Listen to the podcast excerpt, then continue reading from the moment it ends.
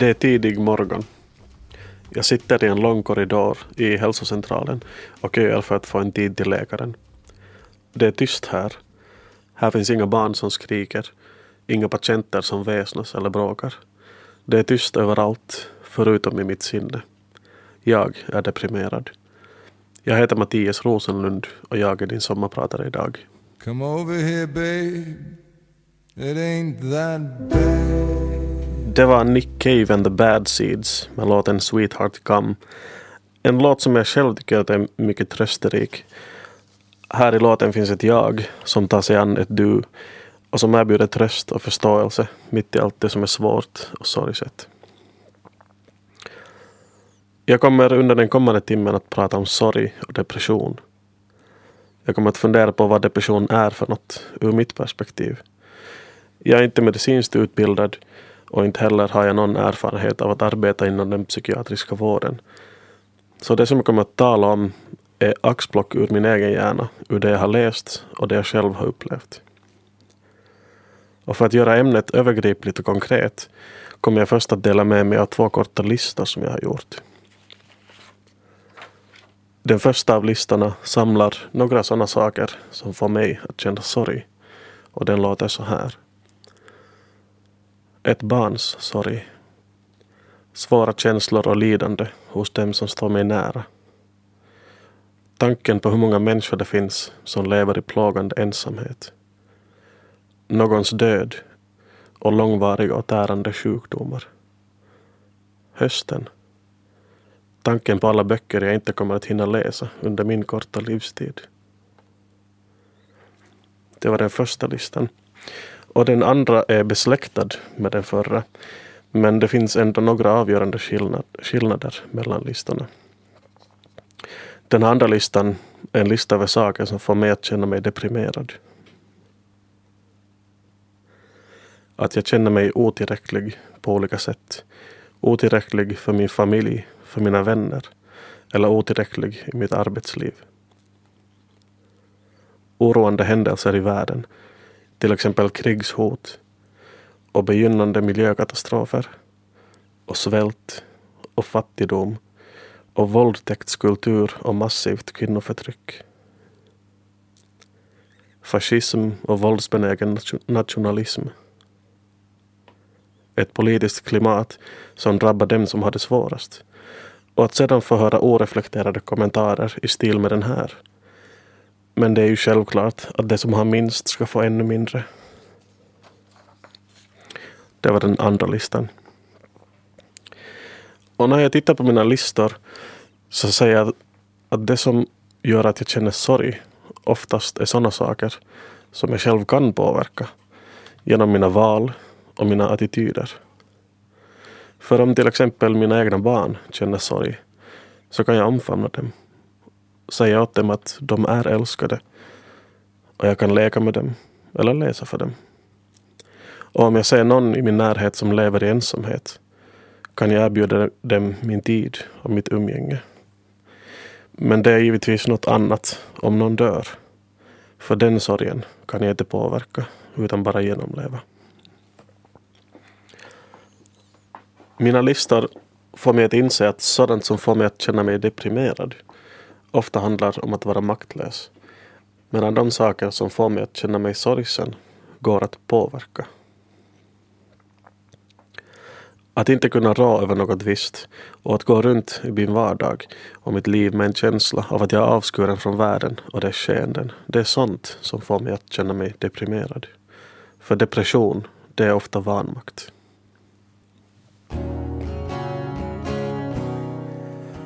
Det var Alice in Chains med låten Nutshell. I det här låten sjunger sångaren Lane Staley bland annat att If I can't be my own I'd feel better dead. Och på svenska kan man ungefär säga så här. Att om jag inte får vara mig själv vore det bättre att dö. Och det är något som jag känner igen mig i väldigt mycket och väldigt intensivt. För mig har det nämligen blivit mycket viktigt att kunna inta en position och att kunna säga det är här jag står och det här området vill jag göra till mitt. Det handlar om vilja. Det handlar om en känsla av att vara fri snarare än jagad och bunden. Det handlar om en möjlighet att äga mitt eget liv. Att äga den berättelse som jag befinner mig i.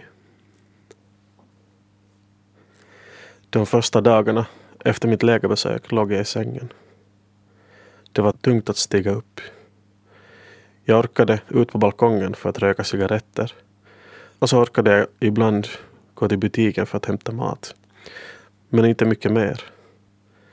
Min skäggstubb växte och jag låg kvar där i sängen. Och när jag sjukskrev mig för depression kände jag mig först frustrerad. För det kan ju inte vara så att jag inte orkar. Jag var arg på mig själv. Men det var nu en gång så det var. Jag orkade inte och jag kände mig jagad av min otillräcklighet.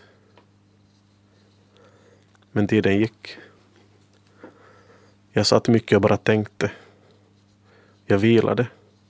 Och småningom började det bli bättre. Och kanske det inte är så oroande med depression trots allt. Kanske depressionen inte är så farlig. För mig handlade det den gången om att känna igen och artikulera det som är svårt för att sedan kunna ta steget ut och be om hjälp för att kunna komma vidare. Men nej, visst är det så att depressionen är farlig.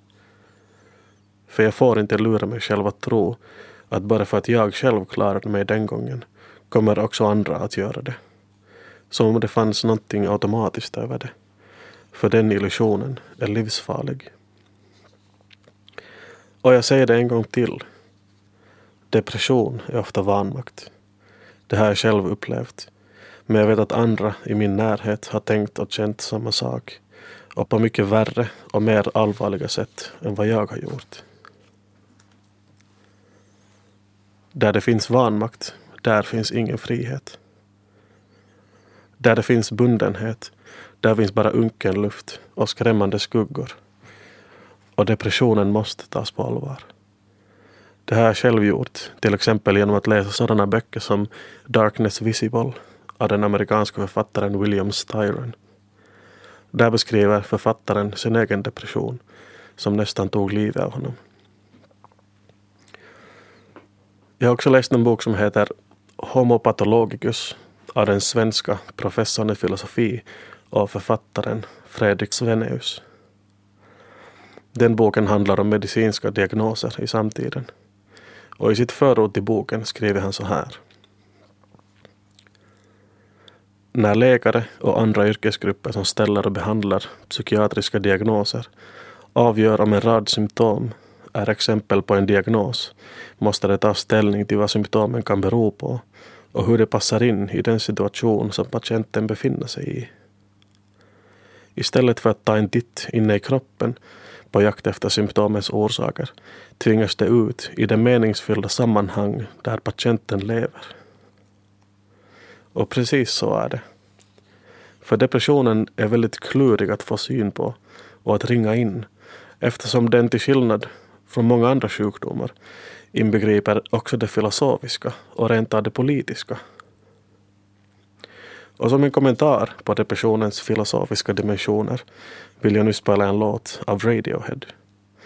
Det är en låt som heter Videotape och den inleds med den här versraden. When I'm at the pearly gates this will be on my videotape. Tom York sjunger alltså att när jag står vid pärleporten kommer detta att finnas med på mitt videoband. Jaget i den här låten föreställer sig alltså att Gud spelar in hela våra liv på band och så visar han upp valda stycken för oss vid pärleporten. Och då kan man ju fråga sig vad skulle finnas med på just min videoinspelning?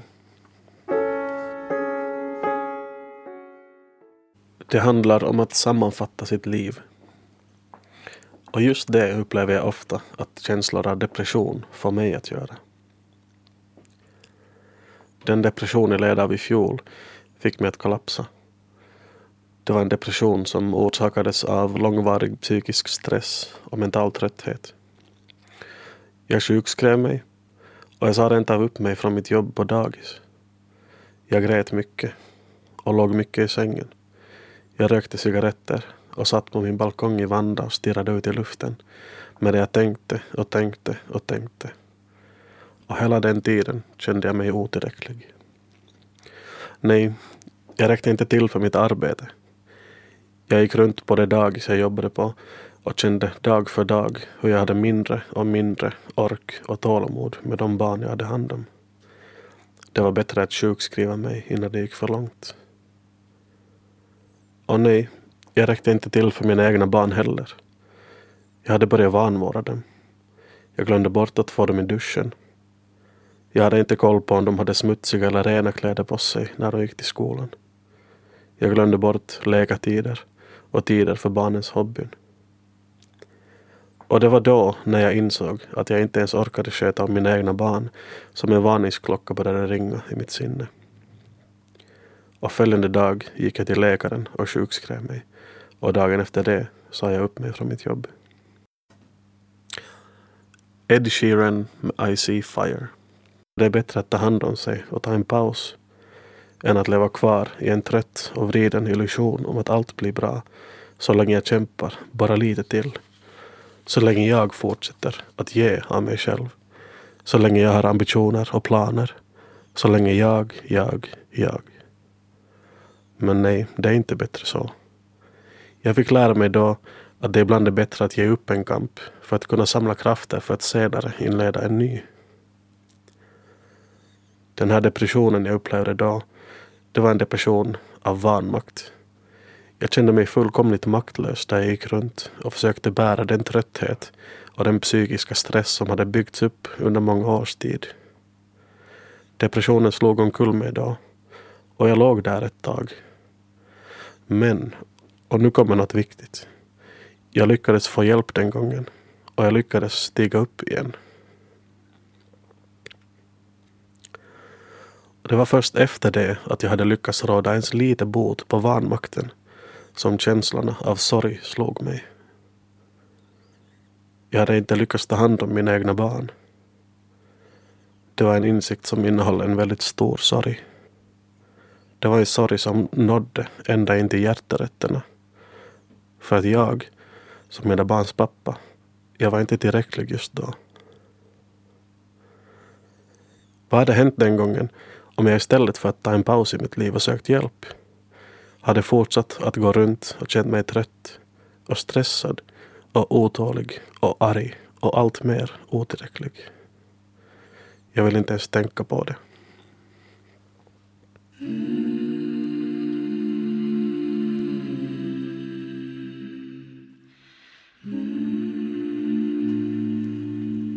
Det var Ben Howard med låten Depth over distance. På svenska kan man översätta titeln till ungefär hellre djup än längd. Och det är så jag vill leva mitt liv. Jag vill få uppleva djupa och komplexa känslor. Sådant som litteraturen och konsten väcker i mig. Men som också uppstår i möten med människor. Med mina vänner. Och i umgänget med min familj. För det blir lite problematiskt när jag börjar tänka på mitt liv som en rät linje som jag ska jaga framlängs och tänka nu har jag hunnit hit. Men äsch, nu har jag bara hunnit hit fast jag borde ha hunnit dit. Och det som får mig att betrakta livet så här är all evinnerlig hets om karriärer, arbetsmöjligheter, framgång, vinst och krav på ekonomisk tillväxt under vilka villkor som helst. Nej, jag vill inte ha sånt som måttstock. För jag känner mig deprimerad då jag tänker på mitt liv så här. Hellre tänker jag att jag har träffat en fantastisk vän idag. Eller att jag har hittat ett nytt fint författarskap att bekanta mig med. Eller att den här konstutställningen berörde mig och att den kommer att finnas med mig under en lång tid framöver. Det är sånt som ger mitt liv djup. Och jag kommer här att tänka på en sång av det brittiska bandet Spiritualized. Låten heter Out of Sight. Och även om jag inte ska spela den låten nu så vill jag citera lite grann ur den. Sångaren Jason Pierce sjunger så här. If I am good I could add years to my life. But I would rather add some life to my years. Och det kan jag känna igen mig i. Den finska författaren Antti Nylén undrade för ett tag sedan på internet om inte alla parlament och nämnder borde vara till hälften fyllda av deprimerade, handlingsförlamade och desperata människor, precis som hela vårt samhälle är det. Och ja, det kommer jag tycka att det finns en poäng i. Och med alla de här deprimerade, handlingsförlamade och desperata människorna i åtanke ska jag nu spela låten We Are The Freaks av det svenska 80-talsbandet Cortex. Det finns många freaks där ute, bland alla så kallade vanliga, normala och funktionerande individer. Men observera nu att ordet freak, så som Cortex använder det, inte har någon fördömande eller förlöjligande underton. Utan snarare är det ett sätt att säga att den så kallade normaliteten som vi ser runt, runt omkring oss varje dag inte är fullt så normal eller homogen som man vill föreställa sig. Jag tror att vissa slag av depression, men långt ifrån alla, kan uppfattas som ett slags mentalt utslag. Ett mentalt eksem kan man kalla det, på en filosofisk eller politisk situation och hållning. Och det är kanske något åt det hållet som Cortex menar då de sjunger om alla freaks som befolkar samhället. Freddie Wadling, som är sångare i Cortex, kallar sig själv och sina gelikar för freaks för att markera någonting. För att säga att det finns saker som särskiljer honom från det han ser omkring sig. Hetsen och 80-talets kasinoekonomi och karriärstänket. De som vet något om Freddie Wadling vet att han som ung kämpade med svåra drogberoenden och att han i sina sångtexter balanserar ständigt på gränsen mot galenskap och rent av skräck. Och det att Wadling positionerar sig så kraftigt mot det omkringliggande samhället gör att hans galenskaper framstår som politiska. Och den här politiska dimensionen av galenskapen, vad kan man säga om det? Jag kan bland annat säga att en depression som jag får på mig utifrån snarare än inifrån hos mig ofta leder till en stark och väldigt tydlig ilska eller indignation efter att jag först har kommit förbi de första symptomen i form av trötthet eller vanmakt eller känslor av hopplöshet och underläge. Jag blir ilsken på att det finns omständigheter som ligger utom min direkta kontroll som gör mig trött och psykiskt jagad. Det kan vara stress eller orättvisa på arbetsplatsen. Det kan vara att uppleva att det är kris i det samhälle som jag lever i och som jag vill vara med om att förändra till det bättre. Här kommer jag att tänka på den norsk-amerikanska författaren Siri Hustvedt som i en av sina böcker skriver att I like anger. There is life in anger. Och hon tycker alltså om ilskan för att det finns liv i den. Och det finns det ju. Ilskan formligen sjuder av livskraft och vilja. För det svåra är inte att känna ilska, utan att lyckas rikta den åt rätt håll, så att den kan få ett konstruktivt utfall.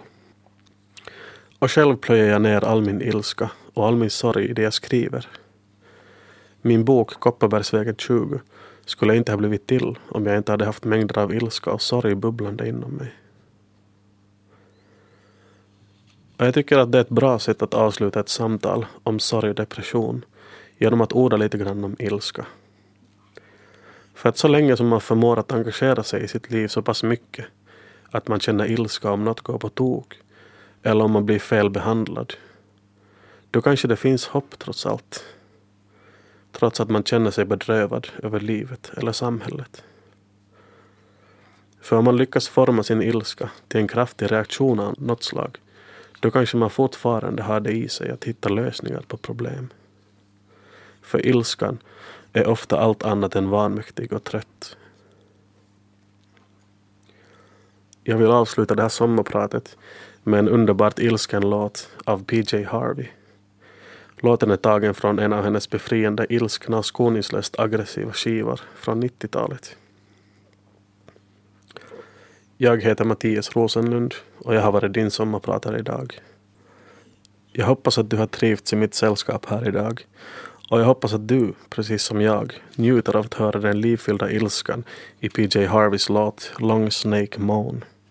Sorgen och depressionen må finnas som undertoner i Harveys sångtexter men här har de omvandlats till något starkt och explosivt. Mm.